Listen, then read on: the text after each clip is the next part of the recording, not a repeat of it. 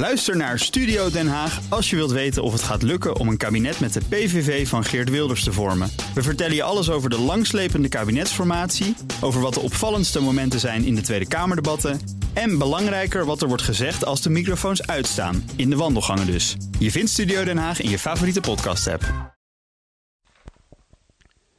De Europese Commissie doet onderzoek naar mogelijke illegale staatssteun van Nederland aan Nike, dat zijn Europese hoofdkantoor in Hilversum heeft.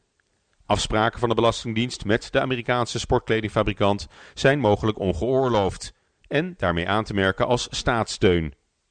Zo'n onderzoek loopt ook al naar belastingdeals met IKEA, terwijl ons land eerder al eens op de vingers werd getikt voor vergelijkbare staatssteun aan de Amerikaanse koffiegigant Starbucks. Kennelijk is het vriendelijke fiscale klimaat in ons land voor veel multinationals nog altijd een belangrijke reden om hier zaken te doen of zelfs hun hoofdkantoor te vestigen. En we zien ze graag komen. Daar zijn ze voor, die rulings van de Belastingdienst. Niks mis mee natuurlijk. Liever een wat lagere belastingopbrengst dan een uittocht van internationale bedrijven met al hun economische activiteit. En waarom moeilijk doen over een fiscale deal om bedrijven en instellingen naar ons land te lokken, als alle andere middelen om datzelfde doel te bereiken wel geoorloofd zijn? Zoals bij het binnenhalen van het Europees Medicijnagentschap, EMA.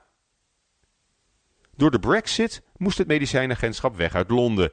En Nederland haalde werkelijk alles uit de kast om deze hoofdprijs binnen te slepen. Voor 225 miljoen euro wordt in razend tempo een hoofdkantoor uit de grond gestampt. Op een toplocatie aan de Zuidas, door de Rijksgebouwendienst. Een speciaal team van de gemeente Amsterdam doet er intussen alles aan om de verhuizing van honderden EMA-medewerkers met hun gezinnen naar ons land glad te laten verlopen. De loper wordt voor ze uitgerold.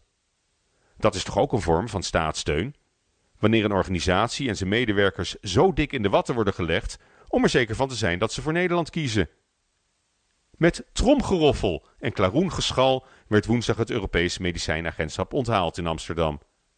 Uit handen van de minister zelf kreeg de instelling de sleutel van het nieuwe onderkomen in onze hoofdstad. Het is de grootste Brexit-trofee tot nu toe voor ons land, dus alle reden voor een feestje. Het EMA is de jackpot die 900 goed betaalde en hoogopgeleide Europese ambtenaren naar Amsterdam brengt. Het is ook nog eens een magneet voor jaarlijks tienduizenden lobbyisten, adviseurs en wetenschappers uit de farmaceutische industrie.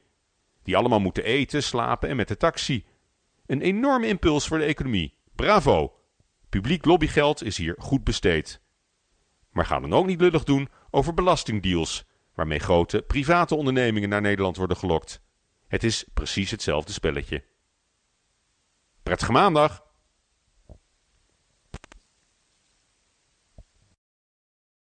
Ook Thomas van Zeil vind je in de BNR-app. Je kunt live naar mij luisteren in Zaken doen, de BNR-app met breaking news, het laatste zakelijke nieuws en je vindt er alle BNR-podcasts, bijvoorbeeld Het Nieuwe Geld. Download nu de gratis BNR-app en blijf scherp.